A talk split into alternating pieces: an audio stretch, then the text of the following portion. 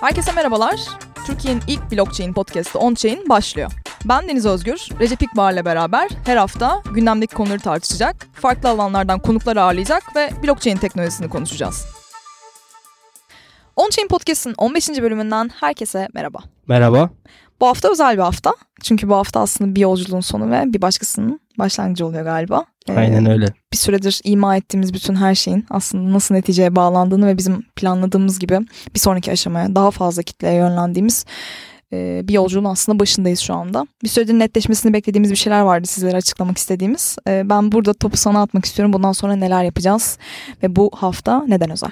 Evet bu hafta özel. Ee, aslında yola çıktığımız ana birazcık daha değinmek istiyorum. Yola çıktığımız noktada blockchain tarafında bir şeyler yapma isteğimiz vardı ikimizin de. Bir sinerjimiz de vardı yine aynı aynı noktada. Etrafımızdaki insanların da söylediği bir sinerjimiz vardı.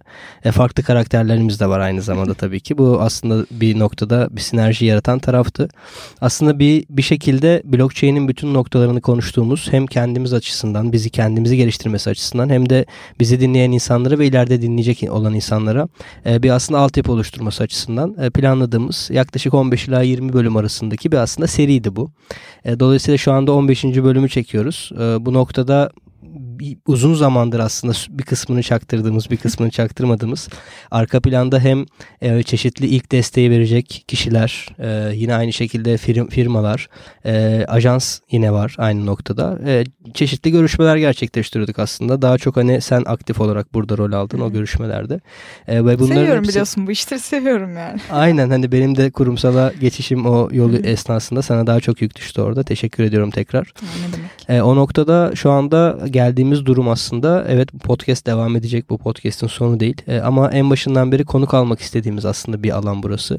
Biz 15 bölümde blockchain'in temellerini konuştuk. Bugün aslında bütün bu e, konuştuğumuz işte use case'leri, vakaları vesaire yapabilmemizin önündeki en büyük engeli, regülasyonları konuştuktan sonra son vereceğiz bu bölüme. Ve bundan sonra YouTube'la eş zamanlı olarak aslında burası bir talk show'a dönüşecek. E, On-chain show olabilir veya adı yine değişebilir. O konuda Biraz üzerinde çalışıyoruz. Biraz da genişletmek de istiyoruz çünkü teknoloji Ve, anlamında. Evet yani blockchain'den de çıkıp aslında çünkü burada şeyi de fark ettik. Onu da hani o amaçta geldiğimiz bir nokta var. Hani blockchain konuştuğunuz ama tek başına blockchain konuşamadık. Yapay zeka girdi, işte emerging technologies dediğimiz yeni yeni teknolojiler, IoT girdi, yazılım tarafı bambaşka bir noktada. Web3 girdi abi. Web3 girdi.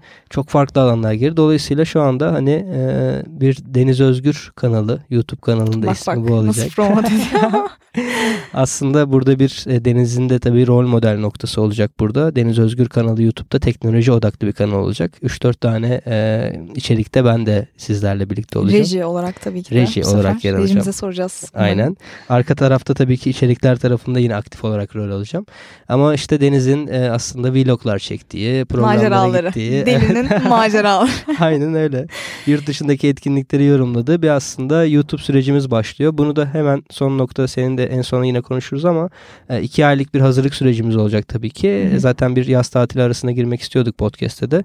Ekim ayında hem podcast devam edecek e, hem de YouTube'da aslında çok daha geniş içeriklerle karşınızda olacağız.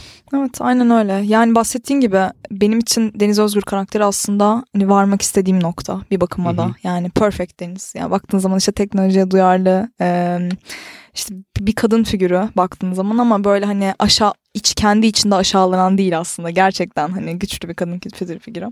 E, bu konuda da sana alçak gönüllülüğün için ve bütün desteğin için teşekkür ederim. Ne yaparsak birlikte yapacağız zaten. O yüzden... Her başarılı kadının arkasında bir erkek var. Sen de çok konuştuğumuz galiba. nokta. Kısaca burada fikrimizi fikrimizi de belirteyim. Ben de fikrimi belirteyim. Yani e, ben en çok aslında zekaya hayranlık duyan bir insanım. Zeka benim için önemli ki senin için de önemli. Kadın olmuş, erkek olmuş, e, Kesinlikle farklı öyle. bir noktadan farklı bir nokta olmuş. Yani farklı bir kendini nasıl tanımlıyorsa hiç önemli değil. Hı hı. Dolayısıyla bu hani Türkiye'de ve dünyada bu kadar yok ama Türkiye'de çok fazla var. İşte hadi kadınlar gelin bilmem ne veya hadi kadınlar bir araya gelelim. Ben bunları hiçbir zaman şey e, istemedim aslında. Burada seninle ikimizin kadın ve erkek olarak da e, farklı yönlerimiz var. E, bunların da üzerinde durmanın hiçbir anlamı yok. Zaten işte e, yeri geldiğinde devreye giriyor ve başarılı bir sinerji çıkıyor. Kesinlikle. Hani böyle bakıyorum hani sen kadınsın ben erkeğim ama o böyle bilmem ne. Bunu ne yüceltmenin ne aşağılamanın bence fazla yüceltmeye çalışmak da aşağılıyor. Hı hı. Bunu, bunu düşünüyorum. Bir noktada evet. Yani işte bir kadın olarak bunu nasıl başardın, bunu nasıl yaptın? Bu da yücelttiğin yani yüceltmeye çalış, güzel bir şey söylemeye çalışırken aslında batırıyorsun bir noktada. Ee, ama şuna şunu söylemem gerekiyor tabii bu noktada. E, genç e, teknolojiyle ilgilenen kadın figürü e, beni hep e, en başından beri seninle konuştuğumuz YouTube tarafında heyecanlandıran bir nokta. Çünkü Türkiye bu anlamda geri bir ülke. E, iş hayatında kadın erkek eşitliği, eğitim hayatında kadın erkek eşitliği noktasında.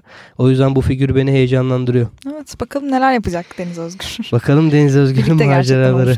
yani. Aynen öyle. O zaman başlayalım evet, bugün bölümümüz e, bunca şey konuştuktan sonra her zaman şirketlerin ve bireylerin takıldığı ortak nokta olan regülasyon süreçleri. Yalnızca Türkiye'de değil, bütün dünyada hı hı. aslında yeni teknolojilerin hızla hayatımız ve iş modellerini değiştirmesi ve hukukun ve siyasetin yani daha bürokratik süreçlerin buna daha mesafeli, daha yabancı kaldığı bu süreçlerin aslında en iyi ülkelerde en işte refah seviyesi yüksek ülkelerde nasıl yönetildiği ve biz aslında blockchain konusunda bireysel olarak neler yapabiliriz Bunları konuşacağımız bir bölüm yapacağız. Çok bekletmeden aslında başlayalım. Hı hı. Yeteri kadar konuştuk. Şimdi son bölümümüzü hakkıyla çekelim. Hadi bakalım. Tamamdır.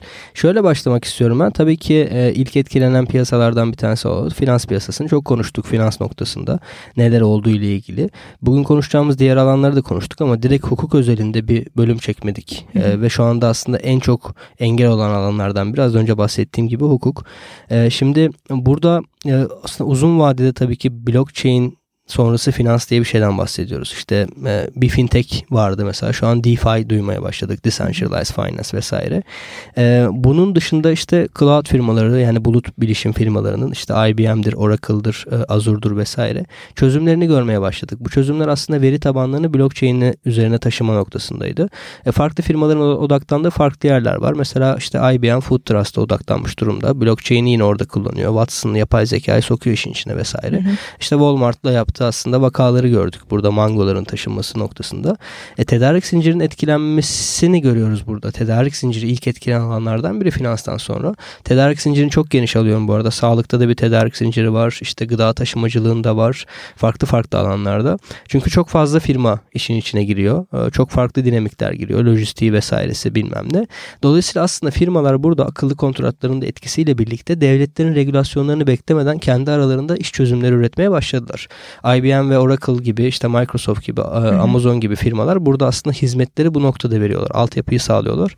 E, sonunda biraz bahsedeceğiz. Bazı startuplar da burada aslında bu hukuksal süreçleri en azından evrilme noktasında bir aracılık yaparak da firmaların kendi arasında iş akitleri imzalamasına e, olanak sağlıyor.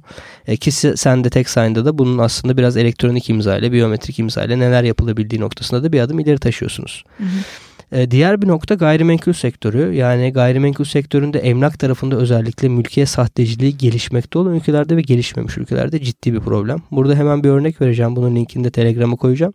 E, Hindistan'da mülkiye sahtekarlığı inanılmaz boyutlara varmış durumda. Araştırırken fark ettim.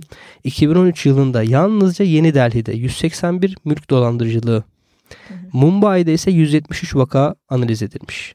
Gayrimenkul işleri aslında kara para aklamanın, kara para yatırmanın en büyük alanlarından biri. Bunu yapmanın en popüler yoluysa başka birinin adına mülk sahibi olmak. Buna da e, o Hindu'da o, o dilde benami deniyormuş. Yanlış at anlamına gelen. Hani benami aldın gibi.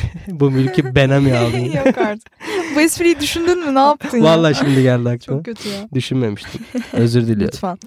Şimdi Kasım 2016'dan bu, bu yana 282 milyon dolar değerindeki Benami mülküne el konmuş Hindistan'da. Ciddi bir rakam. Bu Hindistan özeli. Türkiye'de de yapılıyor. E, bu noktada aslında hukuk burada da devreye girebilmesi gereken, girmesi gereken alanlardan bir tanesi. Diğer bir nokta tabii ki veri güvenliği. E, veri güvenliği noktasında blockchain'in işte izlenebilirlik noktası özellikle takip edilebilirlik kısmı çok öne, ön plana çıkıyor. Yine sanat tarafında da akıllı kontratlarla aslında sen bir şeyin orijinini işte sanat diyebiliriz veya lüks tüketim diyebiliriz. Şaraptır, işte e, elmastır vesaire gibi noktalarda geriye doğru takip edebildiğin süreçler var. E, şimdi bunlar aslında blockchain ile beraber etkilenen sektörlerden sektörlerin başında geliyor ve bunların hepsinde hukuk en ana noktada aslında duran hı hı. kocaman bir e, soru işareti. E, hukukla aslında teknolojinin savaşı biraz sana sormak istiyorum. Yani cyberpunk tarafında gerçekten bu insanlar anarşist mi ya da hukuka inanmıyor mu, devlete mi inanmıyor? Nasıl görüyor hani teknolojideki bu ilerleyen insanlar? Hı hı. Ee, işte Aaron Schwartz'ı konuşmuştuk. Bilgi e, herkese açık olmalı dedi. Yine keza Wikipedia aynı şekilde wiki bu sızdırılan bilgiler. Hani bilgi tarafında e, biraz böyle cyberpunk yaklaşımının farklı bir noktası var. Onu sana sormak istiyorum. E, evet bütün te- teknolojiler aslında yalnızca teknoloji üretmekten değil aynı zamanda kabul ettirmek değiştirmekten de sorumlu baktığın zaman. E, bunu kendi içimizde yaşadığımız süreçte zaten görüyoruz. Bir şeyin önünü açmak zorundasın.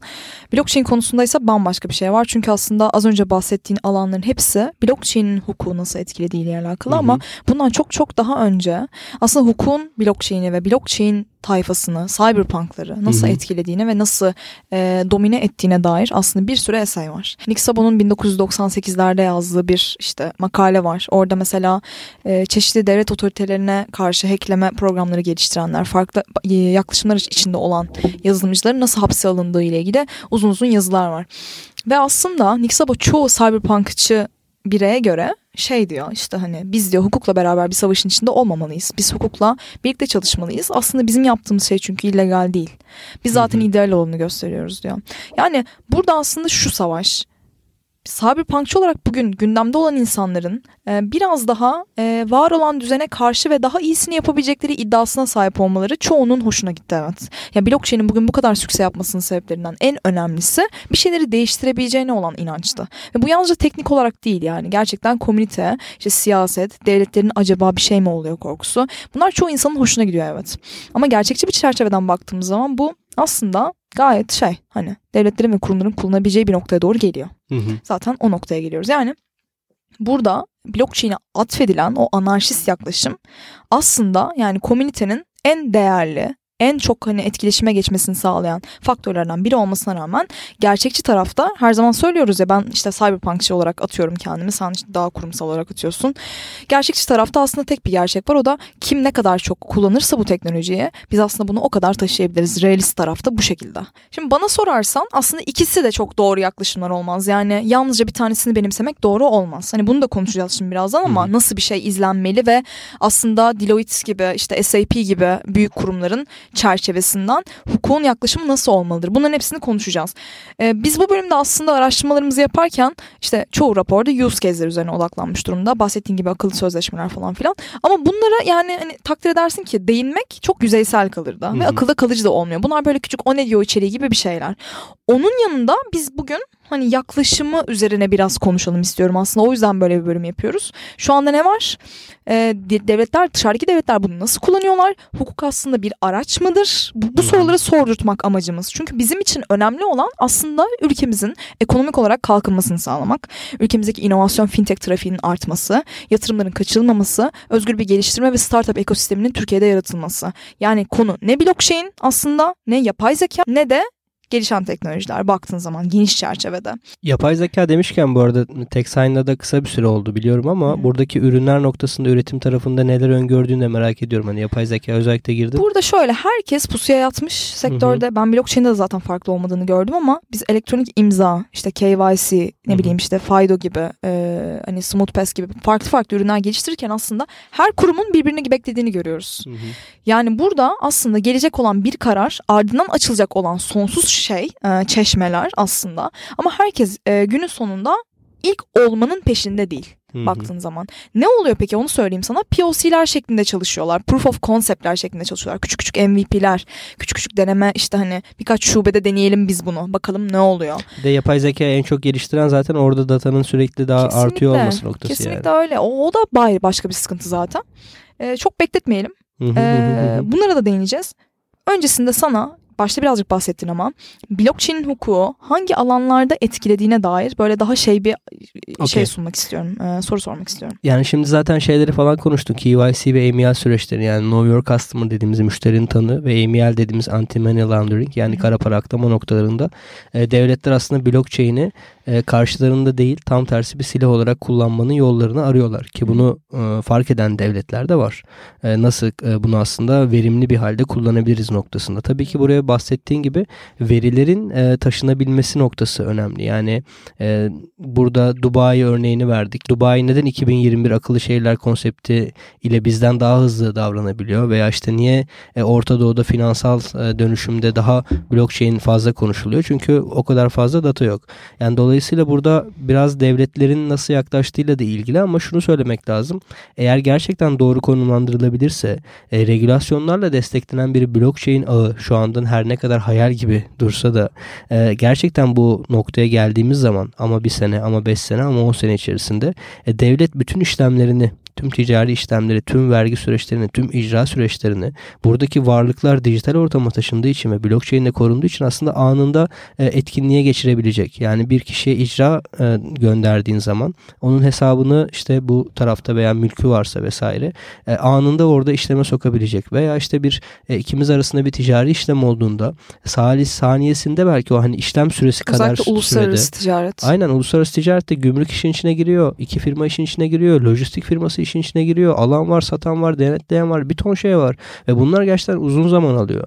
Ve artık hani dünyanın, dünyadaki büyük firmaların savaşı ne pazarlama savaşı. Bak onu çok net söyleyeyim. Bazı bölümlerde yavaş yavaş bunlardan bahsettik ama pazarlama savaşı değil, satış savaşı değil, e, kar arttırma savaşı değil. Şu anda dünyadaki büyük şirketlerin en büyük savaşı tedarik zinciri optimizasyonu ile maliyet düşürme savaşı. Çünkü diğer alanlarda belli bir noktaya geldiler. Artık pazarlamanın e, yeni bir kanalı yok. E mesela hani neden bunu böyle böyle söylüyorum? Şimdi Facebook'un en büyük yatırımı geçen konuştuk Facebook bölümünde Hı-hı. Libra ile birlikte e, Afrika, Hindistan, e, gelişmekte olan ve gelişmemiş ülkeler. Neden? Çünkü diğer pazar belli bir doyuma ulaştı.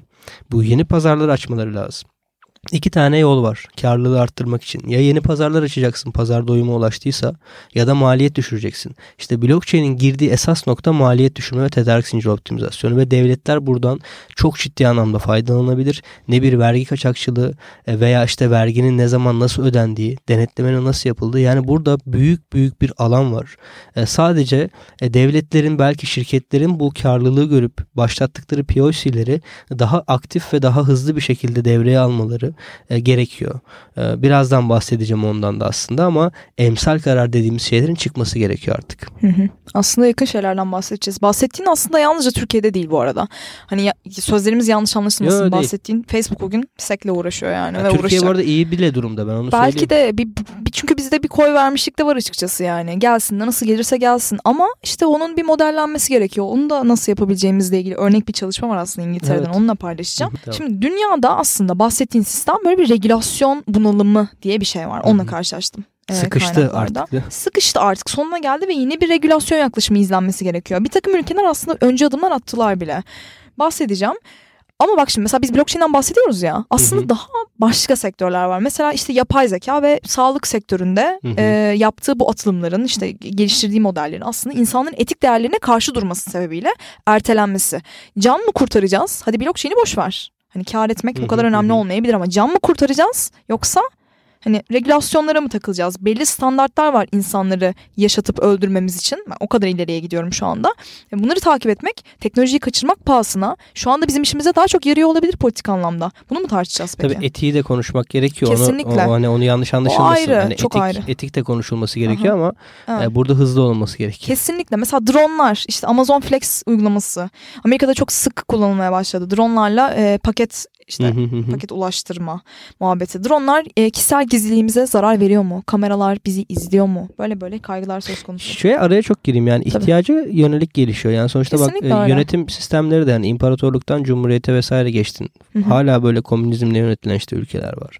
Veya ne bileyim liberal ekonomiye geçişten bahsedebiliriz. Yani liberal ekonomiye geçiş toplumun ihtiyacı doğrultusunda Kesinlikle. ürün fazlası da olduktan sonra global ticaretten bahsediyorsak liberal, liberal ekonomi sayesinde bahsediyoruz bugün. Hı hı. Bunlar ihtiyaçla alakalı ya. Ben İhtiyaçla gizliliğimi, alakalı gizliliğimi yani. mi korumak istiyorum? Evin içini mi gösteriyorsun? Yani o zaman farklı bir pencere teknolojisi geliştirmen gerekiyor. Evet. Drone'un kamera çekim açısını dağıtan falan filan değil mi? Hani demek istediğim böyle ya bir şey. şey çok şunu, basit şunu bir örnek oldu ama. Lazım. Haklısın çok haklısın. Şunu anlamamız lazım bizim. Biz bunu daha önce milyonlarca kez yaşadık. Yani Hı-hı. teknoloji bir yenilik geldi ve bizim bildiklerimizi bize unutturdu. Mesela ya blockchain'i falan geçin yani. Hani bak çok çok daha öncesinde 1800'lerde hmm. buharlı motorlar ilk çıktığı zamandan bahsediyorum. İngiltere'de düşün ya, yarattığı sansasyonu bir düşün. Tabii devletin kafasında da şu var. Ya binlerce işçi var ya. Hani buharlı motorun yapmak istediğini yapan hmm. benim istihdam ettirdiğim binlerce işçi var ve günün sonunda ben öyle bir teknoloji getiriyorum ki hızla işte güvenle aslında bunu yapabiliyorum. Ama o kadar kolay olmadı. Devlet bunu yaklaşık 80 sene geciktirdi. Regülasyon üstüne regülasyon çıkarttırdı. Hatta 1861 Lokomotif Act diye bir şey var bu arada. Bakarsanız görüyorsunuz şey falan diyor işte şu kadar hız yapabilir. Kabininde mutlaka 3 tane çalışan olması gerekiyordur falan filan diye. Hani böyle böyle kısıtlamış. Daha da yetmiyor bu. Ee, red flag yani kırmızı bayrak bayrak şeyi var, ekti var. Hı hı. Kırmızı bayrak yasası. Bu da 1865'te çıkıyor. Burada ne oluyor biliyor musun? Mesela bir araba gidiyor ya önünde bir adam kırmızı bir bayrak sallıyor yayalara çarpmasın diye. Böyle böyle düşün o kadar en inefektif hale getirmişler artık her şeyi. En kötüsüne geliyorum. Pensilvanya 1896'da çıldırıyor ve diyor ki ben öyle bir yasa yapacağım ki dünyanın en büyük kırmızı bayrak yasası tamam geliyor. Diyor ki herkes şu an buharlı makinesini parçalara ayırıp arka bahçesine gömecek. Bak olaya bak yani. Şimdi geldiğimiz noktada blockchain'e bu şekilde yaklaşamıyorlar tabii çünkü çok fazla sirkülasyon var yani yalnızca İngiltere değil çünkü mesela. Ve bu geldiğimiz noktada bu arada bütün bu bahsettiğim bu ekitleri aslında yasaları falan paylaşacağım Telegram'da. Ee, ve geldiğimiz noktada artık hani bununla nasıl baş edebiliriz? İhtiyaç üretiliyor burada. Bununla nasıl baş edebiliriz? Bunları düşünmeleri gerekiyor. Çünkü bu yarışın galibi belli zaten. Yüzyıllardır belli. İnsanların kafasına bir kere bir şey düşecek. Artık yasak elma yendi yani. Artık bu, bunu geçeceğiz. Havalı konuştun bayağı. Evet gerçekten yine gaza geldim. Şimdi burada sana şey yapmak istiyorum. Ee, yine bunun gibi aslında yani buharlı makine bahsettiğim gibi sana e, hukuksal olarak çok çok engellenmiş başka bir şeyler var mı? Ya çok fazla var işte sağlık tarafı dedin ama aslında orada genom ve genetik tarafında yani Hı-hı. kök hücreler bugün çok tartışılan bir nokta. işte hayvan klonlama, insan klonlama çok Hı-hı. tartışılan bir nokta. Ama hani bunu şunu şunu, şunu sormak gerekiyor. Etik çok önemli. Hı-hı. Etik çalışmasını yapan insanlar da var ve olması da gerekiyor. E, ama e, bilim insanları duruyor mu? Ya da tek, teknoloji yürütenler duruyor mu? Durmuyor. Hı hı. Ee, bugün bir yerden işte sağlık sektörüne inat, işte kansere çare haberleri çıkıyor. %99'u yalan oluyor ama bir tanesi doğru olduğu zaman aslında Her dünya bir hastalıktan kurtuluyor bu arada. falan. Çok özür dilerim sözünü evet. veriyorum ama e, şey Google'ın, Apple'ın işte veya e, blockchain alanında Hı-hı. da bir yatırımcının çölde bayağı smart evet, şey, evet. zeki site, e, şeyler, şehirler kurduğunu falan biliyoruz aslında. Tabii tabii yani. bunları konuştuk haberlerini yayınladık Malezya'da vesaire. Hı. Yani evet yani burada işte boşluk yani insanlar boşluk alıyor, arıyorlar. Hı. Gri bölge arıyorlar. E, ama yani şöyle bir durum var. Ben özellikle şimdi çok fazla firmayla da Workington tarafında partnerlikler vesaire de şu anda yurt dışından yine işte yapay zeka mesela Boston'da bir e, etik lab, lab noktasında da görüşüyoruz. Hatta Hı. önümüzdeki hafta görüşeceğiz. Orada da çok e, güzel işler yapan insanlar var. Veya Türkiye'de işte sermaye piyasalarıyla vesaire e, görüşmelerimiz var. Yani söylediğim çok fazla şey var. O, o noktada şu örneği vermek istiyorum. Ee, Uber mesela Türkiye'ye girdi. Şimdi Lime'ın giriş noktası var. Hı hı. Ve bir şekilde çalışamadılar değil mi? Yani taksiciler ayaklandı, toplum bir tepki gösterdi. Şimdi aynı şekilde hani teknolojinin e, yürüttüğü alanlar, sektörlerde nasıl bir komünite varsa sonuçta toplumsal bir komünite de var. Yani karşısı da terste tepebiliyor anladın mı? Hı. Hani Uber evet isteyen çok fazla insan vardı. Çünkü taksicilerden nefret etmişti falan ama taksiciler evet. de bir komünite ve o da bir. Şimdi burada bence şu yapılması gerekiyor girmeden önce bu firmalar pazara önce bir ortak bir konuşulması ve o firmaya bir öneriyle gidilmesi gerekiyor. Hı hı. Ve burada da yine taksicilerin olması gerekiyor. Bak kardeşim sen bu kalitede hizmet vermiyorsun. Bu firma burada burada burada bu kalitede hizmet veriyor. Yani sen hiçbir öneri sunmadan veya hiçbir şekilde bir şey yapmadan işte Wikipedia'yı yasaklıyorsun. Dünyada emsali olmayan bir şey. Uber'e bu şekilde e, davranıyorsun. Yine sadece Türkiye değil. Fransa'da da Uber yasak, Londra'da hı hı. da yasak vesaire. E, ama hani bir model oluşturulması gerektiğini düşünüyorum. Bu beklenti varsa. Hı hı. Ben bambaşka bir alandan örnek vereceğim son olarak. E, şimdi bu çok değişik beni hep böyle hafif gülümseten alanlardan bir tanesiydi ki hatırlıyorum olmadığı zamanları. Hukuk alanında çok çok çok uzun yıllar e-postalar delil olarak geçerliliğini koruyamadı. Geçersizdi. Sen bir ben sana bir e-posta attım. Sen işte Hı-hı. hakaret ettim, bir şey yaptım veya ne bileyim bir anlaşma noktasında Allah. bir şey söyledim ve gerçekten bu hani mahkemeye götürdüğünde internet delili delil olarak sayılmıyordu. Çünkü hukukta şöyle bir şey var. Evet bir yasa var ama hukuk da aslında use case üzerinden çalışıyor. Bir hukukçu şu anda aslında bir vaka karşısına çıktığı zaman sol tarafına yasayı alıyor sağ tarafına emsalleri alıyor. Hı hı. Amerika'da da böyle. Dolayısıyla blockchain'de emsal karar yok. Hı hı. Daha doğrusu daha mesela kripto paranın MT olup olmadığı bile belli değilken hangi emsal karardan bahsediyoruz? Doğru söylüyorsun. O yüzden hata yapılması gerekiyor. E, para kaybedilmesi gerekiyor. Güven kaybedilmesi gerekiyor. Emsal kararlar çıkıp devam etmesi gerekiyor. Bunun için de hızlı olmamız gerekiyor ama maalesef devletler çok yavaş. Hızlı olması gerek Tio dediğin noktada ben bir dahil olayım. Evet. Şimdi iş modelleri de var aslında. Baktığın zaman regülasyon ve belirttiğin use case'leri yaratan sonuçta iş kolları ve özelleşme, özel kurumlar. Şimdi hı hı. burada iki tane şeyden bahsediliyor. Raporları okuduğun zamandaki iki raporu da koyacağım. Bir tanesi zaten Dünya Ekonomi Forumu'nun yarattığı şey yani 2018'in başında yarattığı bir şey bir Hı-hı. rapor. Ve bu raporun çıktısı şu, çıktısı şu agile development diye bir şeyden bahsediyor yani aslında hızlı yapılanma hızlı Hı-hı. gelişme. ne demek bu?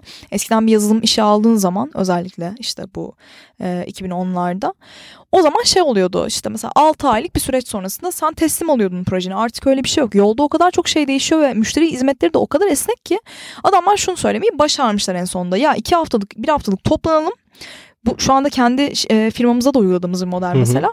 E, ve değişen isteklere göre neredeyiz? Piyasa ne istiyor?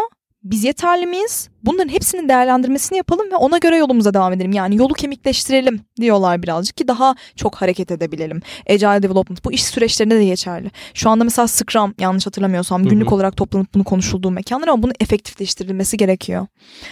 Ee, aynı şekilde hukukta da benimsenmesi gerekiyor. Bir şey söyleyeceksin. Çok acayip bir örnek vereceğim burada. Geçenlerde öğrendim ben de dernek toplantısı Endüstri 4.0 Derneği'nin toplantısında bir konuşuldu. Bir sunum aslında bu. Hı hı. Ee, şöyle bir durum var. Mesela e, ING'de e, yurt dışında tabii Türkiye'de değil. E, bir pazartesi günü bu arada 6 ay e, çalışılmış bunun üzerinde. Bir pazartesi günü bir geliyorlar e, çalışanlar. Hepsinin e-postasında bir tane mail. Hı hı. E, şu anki bütün title'larınız, bütün titreleriniz e, kaldırılmıştır. E, size işte bir ay boyunca, iki hafta boyunca neyse e, yeni e, İNG'nin yeni yaklaşımı, Agile yönetim e, kısmı ha. anlatılacaktır. E, bu sürecin sonunda sizlerden uygun gördüğünüz pozisyonlara tekrar başvuru yapmanızı talep ediyoruz. Düşünebiliyor musun? Çok bu arada bu çok, hani bıçak sırtı bir şey. Hani firmalar şu anda buna çoğu firma e, bu şekilde geçişe cesaret edemiyorlar ama evet. sen firmada bir atıyorum iş analistisin, çalışıyorsun. İşte 10 senedir ING'desin.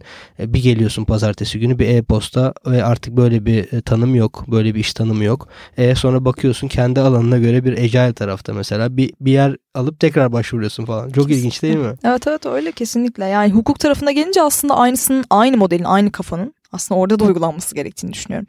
Çünkü dünya farklı bir yere gidiyor ve hani sürekli takip halindeyiz. Böyle olmamız da normal şu aşamada tabii ki. Çünkü onlar hani domine ediyorlar biraz marketi ama e, yine de kendi içerimizde e, bu startup ekosistemini geliştirmek için kullanabilir. Nitekim son olarak bir şeyden bahsedeceğim. Hı hı. İnovasyon arbitrajı diye bir şey var. Bu aslında e, hepimiz şundan eminiz değil mi? Özellikle blockchain'de bunu görüyoruz. Biri bize hukuk buna izin vermiyor derse biz durur muyuz? Durmuyoruz. Durmayız. Tabii. Hayatta durmayız. Biz evimizden değiştirme şey yapmaya devam ederiz. Geliştirmeye devam ederiz. Takım arkadaşları buluruz. Yurt dışından e, freelancerlarla çalışırız. Biz bunu yaparız. Bunu yapan bir sürü arkadaşım var. Hı hı. Bunu yapan kendim varım 2-3 senesine kadar. Çünkü bir şeyler kurmak zorundasın olduğun yerde. Çünkü yalnız ve bırakılmış, terk edilmiş hissediyorsun. O yüzden burada topu sana atıyorum. Deloitte'in bir raporu var. Bu raporda evet. da regülasyonların yaklaşımı ve insanları nasıl dahil edebileceği üzerine konuşuluyor sanırım. Nelerdir regülasyonun prensipleri? Şöyle 5 tane prensipte topluyor Deloitte bunları. Birincisi uyumlu ve adaptif. Hı hı. E, agile dediğimiz aslında Agile'in İngilizce'de kelime anlamında aslında hem çeviklik var hem çeviklik aslında var, evet. adapte olmak hani çok daha geniş bir tarım hı. E, tanım aslında. Aslında burada düzenle ve unut tutumundan değişime duyarlı ve teknolojik yaklaşıma yönlendirme noktası çok önemli. E, yani eskiden sistematik bir şekilde düzenliyorsun bir şeyleri sonra 10 sene 20 sene devam etten aslında senin dediğin gibi 2 hafta içerisinde müşterinin beklentisi değişmiş olabilir Kesinlikle. mi? Olabilir. Hı hı. E, ikinci noktada e, bunu birazdan bir tek açmanı isteyeceğim. Sandbox e, yaklaşımı var. E, izole sistem yaklaşımı aslında bu. E, bunu sana bırakayım tamamıyla. Şimdi bir de e, birkaç tane geyik e, maddesi var. Onları hı. ben hemen hızlıca geçeyim. E, tabii ki işte Deloitte diyor ki sonuç ve verim odaklı olması lazım. E, yani Aslında çok bu arada laylaylon bir madde değil. Baktığınız zaman hukuk pragmatist olarak e, ele alın. Hı hı. Hukuk bir araçtır. Hani bunu iyice stratejik olarak kullanın deme noktasına getirmiş gibi sanki. E, ya evet yani e, geyik dediğim hani anlatacak çok fazla evet, bir şey yok. Doğru yani söylüyorsun. Her şeyde sonuç ve verim odaklı kesinlikle, olmak gerekiyor noktasındayım. Burada Dön- kayboluyoruz baya bence yani baya bütün iş kollarında falan bu maddeyi es geçiyoruz sürekli. Ya evet. Sonuç, sonuç şimdi çalışıyoruz yoksa o an için mi? Aynen aynen yani, yani çoğu noktada e, yaşıyoruz bunları yani işte fikirler uçuyor havada kapı kapıyor bilmem ne falan. Yani nereden başlıyoruz abi hani pazartesi ne yapacağım ben? Aa ne yapacağız şimdi pazartesi noktasına Aynen. geliyorsun. Haklısın. Dördüncü nokta ağırlıklı dağılım esası. Aslında burada da her duruma uygun düzenleme yerine veri bazlı özel mevzuat grupları yaratılma gibi bir nokta var. Bunu şöyle örnekleyebiliriz aslında. Yine Agile Management'ta işte bir MVP dediğimiz bir şey vardı. Yani bütün özelliklerini gösteren ilk ürünü ortaya çıkar ve bir döngü var yalın yalın girişimde, yalın startupta da. İşte test et, e, müşteriye denet, e, tekrar bak, e, şöyle bir aslında eksikleri neler, düzenle, bir daha test et Hı. Bir daha yap, bir daha düzenle gibi bir yaklaşım. Dolayısıyla hukukta bu öneriliyor. E, ama bunun yapılması tabii ki çok e, aslında kolay bir şey değil. Çünkü oradaki e, arada yaşanabilecek sorunların e, etkisi çok daha büyük. Yani yazılımda en fazla işte program patlar, başka bir şey çıkar, tekrar düzeltirsin ama hukukta insanla da iş içi olduğun için, şirketlerle iç içi olduğun için zor bir madde. Hı hı. E, beşinci madde ise işbirlikçi ve paylaşımlı olmak. Yani burada uluslararası oyuncularla özellikle Deloitte diyor ki işbirlikçi yaklaşılması lazım. Ee, yani burada tabii ki devletlerin de işbirlikçi yaklaşması gerektiği gibi firmaların da işbirlikçi yaklaşması gerekiyor. Aslında üçüncü sonuç ve verim odaklı maddesiyle bağlı. Yani sen masaya sonuç odaklı oturursan, işbirlikçi yaklaşırsan ve diğer maddeleri de denersen aslında test odaklı da e, olursan başarıya ulaşırsın gibi bir nokta var. Burada sen Box'ı biraz şey açmanı istiyorum. Tabii ki Hı-hı. ona geleceğim ama işbirlikçi ve paylaşımdan benim anladığım kadarıyla birazcık hani e, hukukumuz veya ekonomimiz bize yetsin kapalı ve kendi kendine yeten bir e, model üzerine odaklanalım. Hı hı. Bu biraz işlemiyor. Biz bunu daha önce de denedik bu arada. Yani yanılmıyorsam mesela işte 1970'lerde falan Turgut, Turgut Özal öncesinde de denenen bir şeydi bu. Sonra liberal ekonomi Sonra dışarı açılım falan, falan filan oldu. Hukukta da aslında bu mesela teknoloji asla lokal kalabilir mi? Asla kalamaz. Mesela teknoloji, hukuk, iş fikirleri, iş e, projeleri, startup bunların hepsinin aslında hepsinin hepsinin artık standartlarını globale çıkartması şart. Ve hata yapmaktan da korkmamak da gerekiyor. Bak Kesinlikle. o da önemli. Mesela, deneysellik değil mi? Evet Türkiye'nin e, yani şimdi burada siyasete ve şeye girmeyelim yine ama Türkiye'nin liberal ekonomiye geçişte çok, çok sancılı ve pek çok hataya aslında yer bırakan bir süreç. E, pek çok hataya yol açan bir süreç. E, ama yani bir şekilde geçilmesi gereken ve aslında e, dünyayı takip edilmesi gereken Korkmamamız bir süreç. gerekiyor değil mi birazcık? Korkmamak gerekiyor. Evet. Hatalar bir şekilde onarılıyor. Kesinlikle. Şimdi sandbox yaklaşımından biraz bahsedeyim. Son olarak bu aslında bahsettiğimiz tüm bu modellerin nasıl uygulanabileceğine dair güzel bir pratik. E, bu öncelikle tabii ki sandbox dediğimiz olay e, 2017'nin sonlarında ilk defa İngiltere'de e, bir ortaya atılıyor ancak 2018'de hayata geçiyor diyebiliriz. Burada yapılan şudur. Bir proje, bir mesela işte şu anda Workington'dasın. E, bir e, girişim girişim e, şey var, merkezi var orada ve bir sürü hı hı. girişimler var. E, bunların aslında çeşitli hukuk e, yaptırımlarından muaf olması. Yani aslında kapalı bir kutuda, bir sandbox'ın içerisinde istediklerini yapabilecekleri serbest bir alana sahip olmaları modeli. Ne demek bu serbest ticaret bölgesi gibi hani bir bakıma aslında çeşitli ekonomik zorunluluklardan muaf bırakılıyorsun. Burada da aslında kafa şu biz bunlara hepsine şart koşmayalım da bunlar birazcık yükselsinler bakalım neler yapıyorlar. Hani bir deney alanı veriyorsun aslında deneysel yaklaşımın olmazsa olmazlarından bir tanesi bu. Ve bir rapor hazırlanmış. Rapor mutlaka paylaşacağım tabii ki de. Burada şu elde ediliyor. Hani sonuç olarak sonuçlar da bu arada sonuçta 2018'de yapılmış. Ee, bir kere hız ve düşük maliyetle. E, girişimlerin hayata geçmesi sağlanıyor. Yüzde kırkı yatırım alıyor bu şirketlerin. Yurt dışından da yatırım alıyorlar. Yani yabancı sermayenin girişi de sağlanıyor İngiltere'ye. Öte yandan %90'ı da projelerini geliştirmeye, uygulatmaya devam ediyorlar bu arada. Yalnızca %10'u eleniyor düşün koca Süpermiş. listede. Bunun dışında iş modelleri gelişiminde kullanılıyor. Yani diyorlar ki bak böyle bir teknoloji var. Böyle bir startup var. Fikri de böyle ele almış. Bu deneysel yaklaşımdan, bu küçük kapalı kompakt sistemden, bu kısıtlı imkanlardan yeni iş modelleri üremeye başlıyor bu sefer. Onun dışında yatırım süreçlerinde fark edilir bir artış oluyor bahsettiğimiz gibi. Test ve gözlemleme süreçlerinde insanların gerçek feedbackleri alınıyor. Bu ne demek? Artık projeler yalnızca proje yani ya da konsept Hı-hı. olarak kalmayıp artık hayata geçiyor demek. Bu çok önemli bir kere. Ve bunun sonucunda regülasyonların ihtiyacı olan tek bir şey elde edilmiş oluyor. Regülasyonlar bakıp görüp Diyorlar ki bak bu böyle olacakmış bunları etkileyecekmiş. Bak insanlardan da böyle feedbackler geldi. E, artık bunu hayata geçirmemiz için hiçbir sebep yok. Çünkü baktığın zaman aslında İstenen hiç kimse kendinden bu. ödün vermiyor yani. Bu kadar basit aslında ve bu Sandbox modeli aslında bunu kılmak için güzel bir yöntem. Şu anda bir harita var. Sandbox yaklaşımının uygulandığı ve uygulanmasının düşünüldüğü neredeyse dünyanın tamamı diyebilirim. Ee, Orta Doğu'da bile hani hmm. ülkeler yavaş yavaş uyanıyor bu duruma. Bizim de artık gereken atılımı yapmamız gerekiyor. O yüzden e, Incubation Center'da da mesela bu tarz bir model üzerine çalışılabilir. Tabii ki de hukukçular fayda şey, şeyiyle Tabii tabii burada şey de var bu arada yani Sandbox aslında yine yazılımdaki yazılımcı arkadaşların daha önceden de bildiği bir yaklaşım. Hı. Aslında SaaS modellerinde e, mesela sen bir mail SaaS hizmetine e, önce abone olursun veya bir ödeme altyapısına adamı abone olursun. Bir testnet veya Sandbox e, sistemi açar sana. Yani bütün datana mail gitmez ama deneme mailleri gider önce mesela Hı. bir mail sahasında. Buna Sandbox denir aslında baktığında. Hani bunu gerçekten e, tamamıyla real dünyaya uygulanmış versiyonu müthiş yani. Gerçekten evet. ihtiyacımız olan noktalardan bence en önemlisi bu. Evet o şekilde. Şimdi bu raporları paylaşacağım mutlaka. Ben okurken yani çok evet. feyz aldım açıkçası. Ee, burada tekrar blockchain kısmına dönmek istiyorum. Başarılı olarak atfedebileceğimiz hukukçularımızın takip etmesi gereken girişimler neler hukuk alanında? Evet e, aslında ilk olarak Integra ile başlamak istiyorum. E, Integra e, A Blockchain for the Global Legal Industry diyor. Aslında legal tarafta, yasal taraftaki global bir blockchain endüstrisi kurulmasından bahsediyor. E, burada bir aslında protokol sunuyor bu. Yani bir şekilde e, şirketlerin e, kurumsal ilişkisi ilişkide olan şirketlerin kendi aralarındaki sözleşmelerde e, farklı neler yapılabilir aslında. Orada bir altyapı sağlama noktası var. Bildiğim kadarıyla Hyperledger Fabric kullanılıyor değil mi Integra'da? Integra'da Hyperledger Fabric kullanılıyor. Aynı şekilde e, OpenLove diye bir e, uygulama da var. Bu ikisi benzer çalışıyorlar. OpenLove'da da Hyperledger Fabric var ama bunlar sadece Hyperledger Fabric üzerinde kalan uygulamalar Ethereum'da değil. E, Ethereum üzerinde çalışmaları var ve aynı zamanda kendi teknolojilerini de üzerine geliştiriyor. Yani tamamıyla aslında e, işte sen e, az önce bahsettin ya regülasyonlar hazır olduğunda hani bam bam bam ilerleyecek altyapıyı sağlıyorlar şu anda. Hı.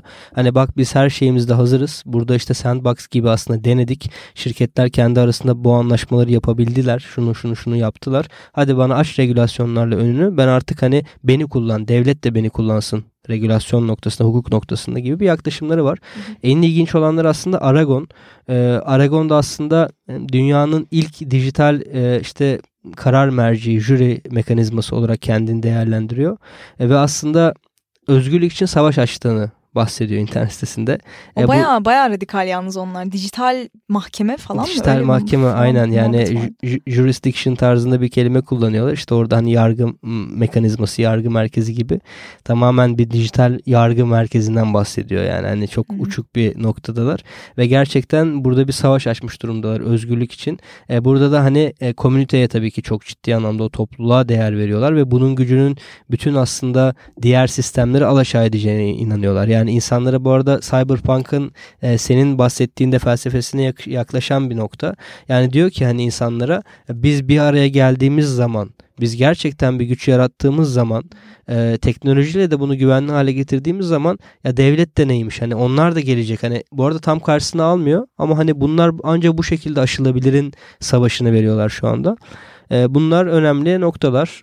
E, Türkiye'den yine birkaç girişim biliyorum. Yani yapay zekayı işin içine koyan yine Türkiye'den ve dünyadan girişimler var. Tamamıyla geçmişe dönük emsal kararları ihtiyaca göre analiz edip e, insanlara aslında hukukçulara sunan bazı projeler var.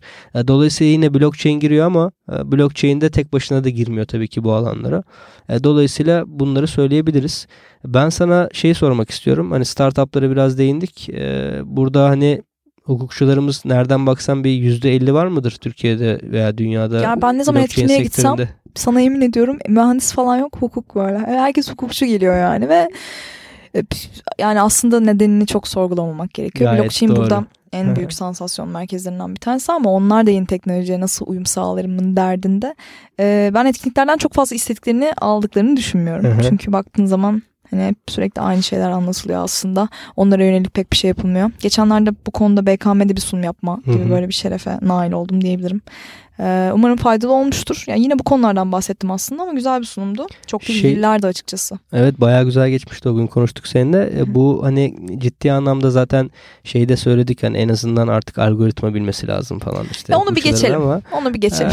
E, yani, yani orada da söyledim relief yani çok yüzleri rahatladı yani. Gerek yok çünkü ona. Çeşitli şablonlar ben, var. Ben olduğuna inanıyorum. Yani ben algoritma Sen bilmeleri gerektiğine inanıyorum Romantik çünkü hayır hayır yani şöyle e, benim kendi mesela karakter özelliğim bir şeyi gerçekten bir noktaya kadar anlayabilmem gerekiyor ki ne yapıldığını hakim olabileyim. Bence gerekiyor ee, ama Yo, hani gerekiyor da hani yani, yani, kolay bir şey değil. Tabii ki. Ben sana burada şeyi söyleyeceğim aslında hani e, gerçekten e, kolaydan zora da hani şu pek çok alan var ama burada birkaç tane böyle bir kaynak önerin hani orada hukukçulara da önerdiğim birkaç kaynak var diye biliyorum. Evet, kaynak mutlaka. önerilerini alalım yavaştan hmm. da kapatalım. Tabii ki. Ee, şöyle bir şey var. Burada bir, aslında paylaştığım siteler bunlar. Hiç bir tanesi hani şey değil, yeni değil bu Hı-hı. sitelerin. Blockchain hukuk rehberi var. Şöyle şöyle kaynaklar var. Bunların hepsini ekleyeceğim. Hı-hı. Tek tek üzerinden evet, evet, akıllı kalıcı aynen. olmayacak ama genel olarak e, dünya haritası üzerinde hukukun e, vergi ve blockchain tarafında neler yaptığını gösteren çeşitli siteler var. Bunlar Hı-hı. çok faydalı. Çünkü direkt section e, sekme sekme gösteriyor.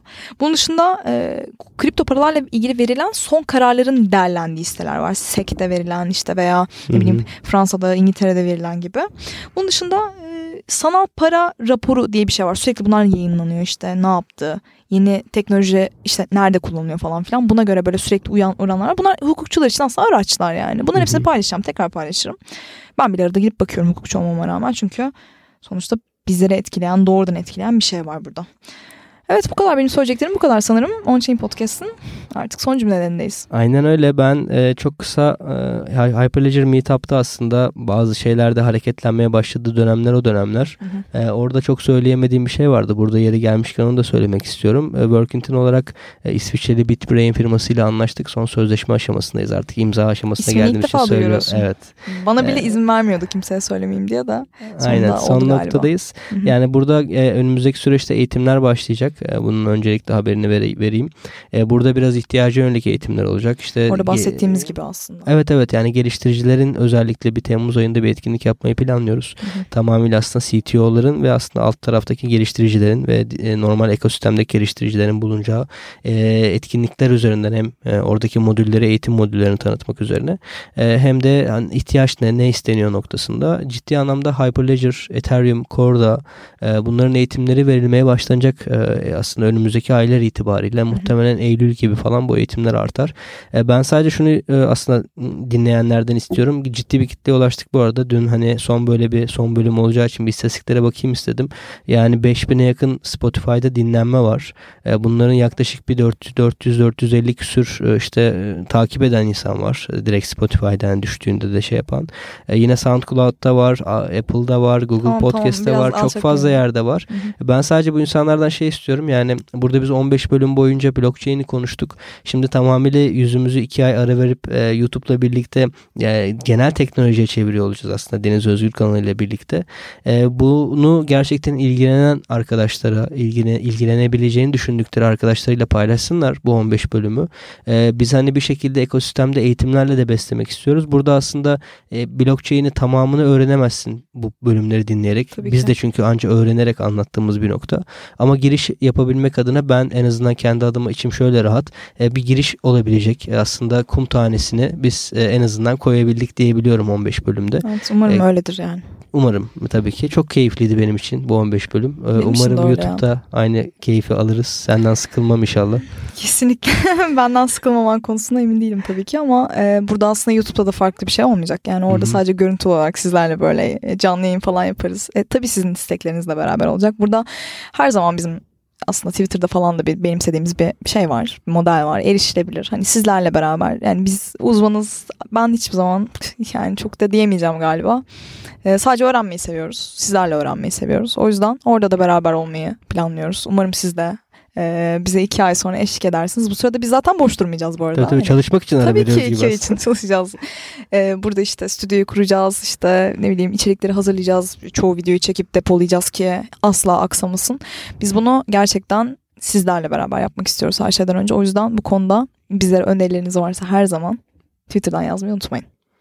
On-Chain Podcast'ten bu haftalık bu kadar. E, demeyi çok isterdim önümüzdeki hafta görüşelim diye. Ama e, iki ay sonra YouTube kanalıyla paralel bir şekilde görüşmek üzere diyelim. E, yaz boyunca biz çalışacağız Deniz'in de söylediği gibi. burada gerçekten bu arada e, On-Chain Podcast senin dediğin gibi aslında başlangıçtan ilk belki 3 bölüm 4 bölümde oturdu mesela. Tamamıyla gelen tepkiler ve talepler doğrultusunda işte eleştiriler ve istekler. Dolayısıyla aslında bu iki ay içerisinde Twitter hesaplarımızdan bize yazın şu olsun bu olsun şöyle yapın falan. Kesinlikle Ki biz o iki ay ayda zaten tam böyle hamuru yoğurmaya çalışırken o fikirlerle yoğuralım gibi de bir şey söylemek istiyorum. İki ay sonra e, eş zamanlı podcast ve YouTube'da bir kederlendim. Üzere. Ben tamam. e, son sözü aslında son bir cümle etmeni istiyorum artık. Son son son son son cümleni et ve e, kapatalım. Tamam o zaman On Chain Podcast bitti.